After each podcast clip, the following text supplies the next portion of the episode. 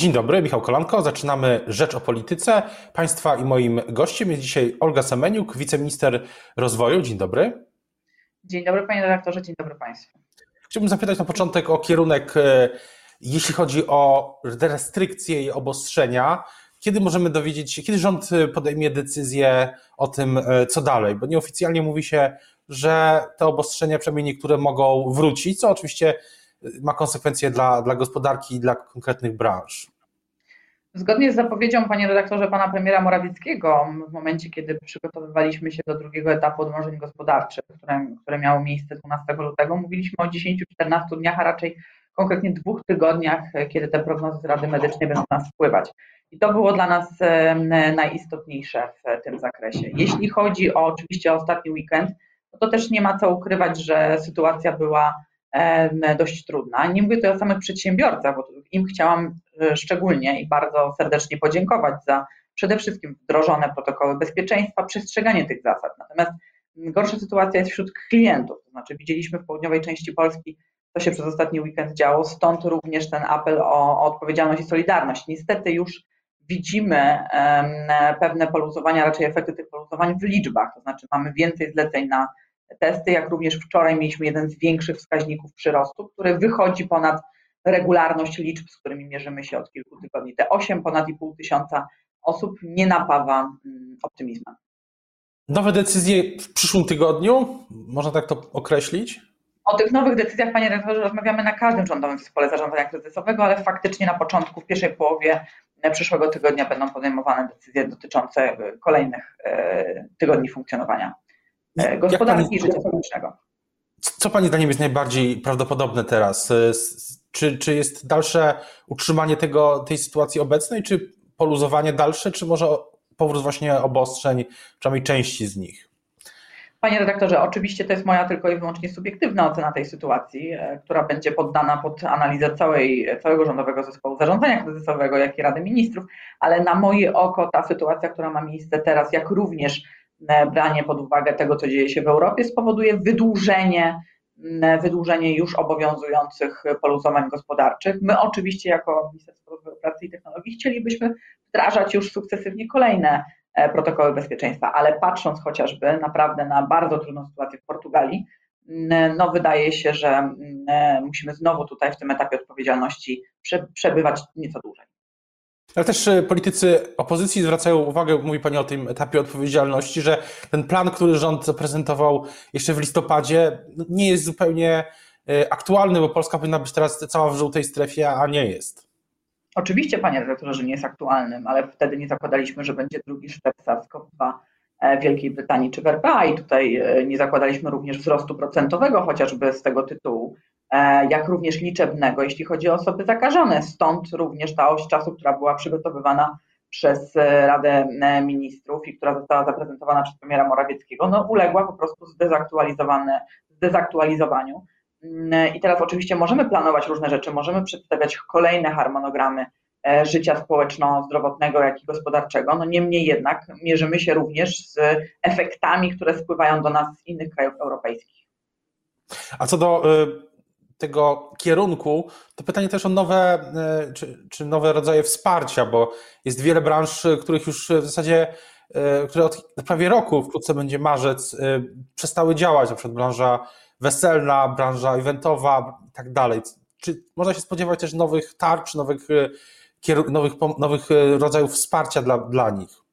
Po pierwsze, panie redaktorze, na prośbę pana premiera Mateusza Morawieckiego objeżdżam w Polsce poszczególne firmy, które otrzymały wsparcie zarówno z tarczy 1.0, 2.0 czy tarczy branżowej, czy innych tarcz antykryzysowych. Sprawdzam również w bezpośrednim kontakcie kondycję tych firm. Rozmawiamy o różnych wariantach tego, jak tak naprawdę i prognozujemy, jak te kolejne 6 do 12 miesięcy powinno funkcjonować, już mam nadzieję, w czasach post pandemicznych i wyciągamy z tego tytułu wnioski. I e, w każdym z tych województw, w których jestem, a byłam już na Dolnym Śląsku, byłam na Warmii i Mazurach i tutaj również regionalnie podchodzę do tego, jakie środki finansowe zostały przekazane zarówno w tych wszystkich poprzednich tarczach, jak i w tej tarczy, która cały czas funkcjonuje i do której wnioski można składać do 28 lutego. Mówię tutaj o tarczy finansowej 2.0. I tutaj staramy się również wykorzystywać maksymalnie instrumenty, które są w zakresie banku BGK, czy właśnie ARP.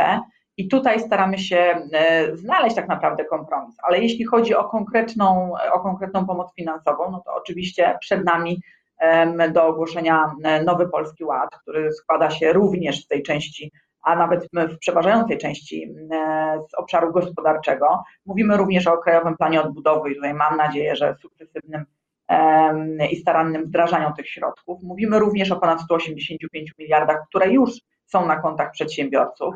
E, no ale mówimy również o przedłużeniu tarczy branżowej, panie redaktorze, o kolejne miesiące, składające się z czterech instrumentów ZUS-u postojowego, małej dotacji do 5 tysięcy złotych dla samozatrudnionych i, i, i, firm do 49 osób zatrudniających, no i dopłat do kosztów stałych w wysokości 2 tysięcy złotych. Pan premier Jarosław Gowin również prowadził rozmowę mm, z rzecznikiem małych i średnich przedsiębiorstw, panem ministrem Abramowiczem. Ja z kolei jestem w stałym kontakcie z prezesem PFR-u. Jedna rzecz, ale mówi Pani o Krajowym Planie Odbudowy, ale w tym, w tym tygodniu rząd y, nie przyjął tej E, e, uchwały czy ustawy ratyfikującej Krajowy Plan Odbudowy i Fundusz Odbudowy ze względu na, tak jak są informacje, jakieś wewnętrzne dyskusje. Myślę, że gdy słyszą coś takiego przedsiębiorcy czy, czy, czy Polacy w ogóle, to mogą się zacząć zastanawiać, czy ta unijna pomoc nie padnie ofiarą właśnie jakichś wewnętrznych sporów w Zjednoczonej Prawicy. Panie redaktorze, pan premier Mateusz Morawiecki jest gotowy do, do przyjęcia tego dokumentu. Oczywiście, jak to w demokracji bywa, mamy do czynienia z rozbieżnością i trybem rozbieżności zdań. Ten temat oczywiście trafi na Radę Koalicyjną, będzie jeszcze raz omawiany i mam nadzieję, że właśnie na korzyść przedsiębiorców, na korzyść firm, na korzyść polskiej gospodarki jak najszybciej ten program przyjmiemy. A co do programu, który mówiła też Pani Nowy Polski Ład, kiedy, kiedy można się go spodziewać, jego prezentacji? Panie redaktorze, na ten moment nie słyszałam o tym, aby ten termin był przesuwany, czyli mówimy tutaj e, raczej o początku marca, e, kiedy ten program ma zostać zaprezentowany. Co do e, tego nowego Polskiego Ładu, to też pytanie, czy to jest tak, że nasi słuchacze, widzowie mogą spodziewać się czegoś na miarę, i tutaj zawsze pojawia się ten właśnie projekt 500, czy E, innych podobnych rozwiązań. Czy to, jest, e, to też jest w Nowym Polskim Ładzie? Panie redaktorze, przede wszystkim słowo ład powinno kojarzyć się z bezpieczeństwem. Tutaj to bezpieczeństwo w obszarze społecznym chcemy przedstawić, w obszarze zdrowotnym, w obszarze edukacyjnym, no ale oczywiście również skupiając się na tym, aby wyrównać te dysproporcje i deficyty wynikające z pandemii COVID-19 w samej gospodarce. Także tutaj o szczegółach będzie już informował bezpośrednio premier Mateusz Morawiecki. Jeśli chodzi o skalę tego wow, e, o którym mamy mówić, to wydaje się, że dzisiaj w czasach pandemii nie mówimy o wielkich, o wielkim wow, ale mówimy o stabilizacji, bezpieczeństwie i poczuciu, i poczuciu, że jesteśmy na równym poziomie. Wyrównujemy również te dysproporcje pomiędzy klasami różnego rodzaju, to też jest bardzo ważne, klasą e, ludzi najuboższych, klasą średnią, klasą E, najbogatszą i o to tutaj między innymi chodzi.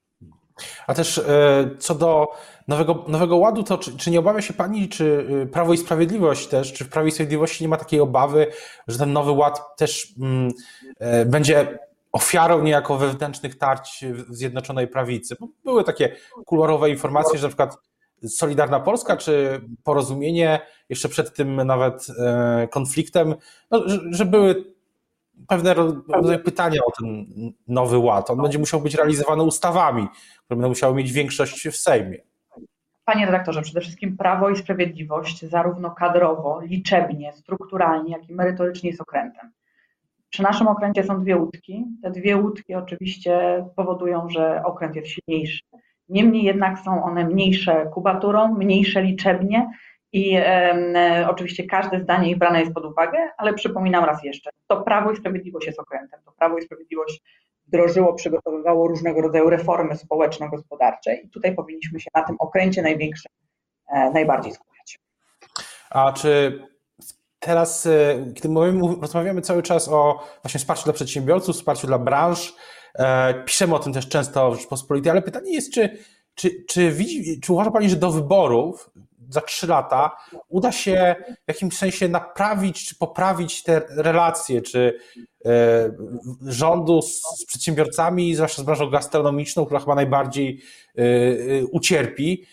Mówię to zarówno w takim wymiarze właśnie bezpośrednich rozmów i tak dalej, ale też no, politycznym powiedzmy, czy, czy uda się te straty, które pewnie tam pewnie są polityczne, Pani zdaniem odrobić, bo do wyborów 30 miesięcy, ale to tak nie jest już też tak bardzo dużo. Przede wszystkim, panie redaktorze, ten program, o którym ma raczej projekt pana premiera Morawieckiego dotyczący właśnie objazdu e, całej Polski, spotkań bezpośrednich już z firmami, z właścicielami firm, które są przede wszystkim strategiczne, jeżeli chodzi o polski przemysł, ale również tych, które będą zapewniały e, różnego rodzaju huby, huby biotechnologiczne, również e, firmy z obszaru IT. To są dla nas bardzo ważne gałęzie, z którymi staramy się spotykać sukcesywnie oczywiście mm, i regularnie, spotykając się z ponad 40 innymi branżami, które no, są na różnym etapie i w różnych sytuacjach. Staramy się również do tego podchodzić indywidualnie. Niewątpliwie, panie redaktorze, mam nadzieję również, że e, nasz resort będzie się do tego, przyczyni się do, do, te, do tej stabilizacji tej sytuacji, kontaktu bezpośredniego z przedsiębiorcami, który no nie ukrywam, że mm, e, w bardzo często trudnych rozmowach staramy się utrzymywać od marca ubiegłego roku w sposób e, stały. Dodatkowo mówimy o Radzie Dialogu Społecznego. Proszę nie, nie, nie zapominać, że tutaj mamy gremium naprawdę szerokich środowisk pracowników, pracodawców, związków zawodowych, gdzie też staramy się być w stałym kontakcie, wypracowywać mm, e, różnego rodzaju możliwości, instrumenty i projekty, które, których zadaniem będzie wspieranie, odbudowywanie i nadawanie tej odporności polskiej gospodarki. Trudno mi wybiegać tak mocno w przyszłość. Raczej jestem osobą, która podchodzi do e, wielu spraw e, pesymistycznie, ale w tym akurat wątku, biorąc pod uwagę pracę, którą w to wkładamy, mam nadzieję, że te trzy lata przede wszystkim pozwolą nam na pracę merytoryczną, ale również ponad podziałami jakimikolwiek na korzyść e, przedsiębiorców, na korzyść pracowników, ochraniając ich miejsca pracy i zapewniając płynność finansową firmy. Zaczęliśmy, zaczęliśmy naszą rozmowę od y, obostrzeń i od tego, co może się wydarzyć y, w przyszłym tygodniu, ale tak się zastanawiam, czy na tych posiedzeniach tego rządowego zespołu zarządzania kryzysowego, czy jest, padają może daty albo przynajmniej kwartały y, w chwili, gdy wróci no, czas, który przypomina ten czas, chociaż trochę przypomina ten czas sprzed 4 marca 2000 20, 20 y, roku. W Stanach Zjednoczonych prezydent Biden, z tego co widziałem, ostatnio zapowiedział, że Boże Narodzenie będzie już y, bliskie temu, które było przed pandemią. Czy, czy, czy w Polsce rząd ma też takie prognozy, kiedy ten świat wróci do, do tej nowej normalności, jak kiedyś powiedział premier Morawiecki? Panie redaktorze, świat wróci do nowej normalności w momencie, kiedy Narodowy Program Szczepień będzie na tyle rozszerzony i obejmie na tyle e, miliony Polaków, żeby, żebyśmy mogli spokojnie otwierać już bez żadnego strachu i bez żadnej niepewności e, gospodarkę. To oczywiście wiąże się przede wszystkim z etapowością, z etapami trwania tego e, programu. Dla nas najważniejsze, aby po pierwsze osoby, które są na pierwszej linii walki z COVID-19, jak, osoby, jak i osoby starsze, seniorzy, te grupy, które są najbardziej e, narażone na, na zachorowanie, jak również niestety na zgon, e, były zaszczepione w szybkim tempie. Całym programem zarządza pan minister Michał Dworczyk, który już informował, że ma nadzieję, że tutaj w ramach tego wolumenu, którym dysponujemy, do końca pierwszego kwartału będziemy mieli zaszczepione około 3 milionów Polaków. To ważne liczby, ale również nie, nie, nie stajemy w miejscu i staramy się sukcesywnie szukać e, nowych możliwości jeszcze większego poszerzania tego wolumenu szczepionek. E, cieszymy się również, bo tego się również obawialiśmy na samym początku wdrażania tego projektu, że nie będzie popytu na ten projekt e, i na te szczepionki. Okazuje się dzisiaj, że naprawdę jest to satysfakcjonujący procent społeczeństwa, który zdecyduje się w ramach tej odpowiedzialności za siebie i za swoje środowiska na zaszczepienie. Też e, co do, na koniec, e, co do tych obostrzeń i gospodarki, to też e, odkryliśmy w tym roku, czy przez ostatni rok, że jak bardzo gospodarka jest powiązana ze szkolnictwem. I pytanie, czy myślę, że wielu, wielu naszych widzów, słuchaczy sobie zadaje, którzy mają dzieci nie w wieku 1-3, ale starsze, kiedy one wrócą do, do nauki stacjonarnej? Czy, czy takie rozważania też już są i to na, już prawie już na, na stałe, nie, nie znowu na, na kilka tygodni, tylko na stałe? Oczywiście i to znowu, panie redaktorze, ma bezpośredni związek z Narodowym Programem Szczepień. Te dzieci w klasach 1-3, które zostały do tych klas właśnie już w sposób stacjonarny mm, przywrócone, etap ewaluacji tego, ile szkół jest w systemie hybrydowym, ile szkół E, musiało być z różnych względów właśnie na osoby chore w tych szkołach wyłączone. Tutaj cały czas to bierzemy pod uwagę, chcemy, aby te dzieci wróciły jak najszybciej, znając również niestety efekty ujemne e, szkoły zdalnej, e, również z tych względów psychologicznych przede wszystkim. No, będziemy starać się równolegle do tego Narodowego Programu Szczepienia, by sukcesywnie te klasy wracały do szkół. Natomiast niewątpliwie potrzebna tu jest jeszcze, panie doktorze, cierpliwość. O tym, e, co będzie dalej i o tych decyzjach dotyczących obostrzeń, tak jak rozmawialiśmy w przyszłym tygodniu, w pierwszej połowie przyszłego tygodnia, będziemy na pewno wracać. To są teraz, e, myślę, dla gospodarki najważniejsze informacje. A teraz już bardzo dziękuję za rozmowę Państwa i moim gościem była dzisiaj Olga Semeniuk, wiceminister rozwoju pracy i technologii. Dziękuję bardzo. Bardzo dziękuję Panie redaktorze, dziękuję Państwu.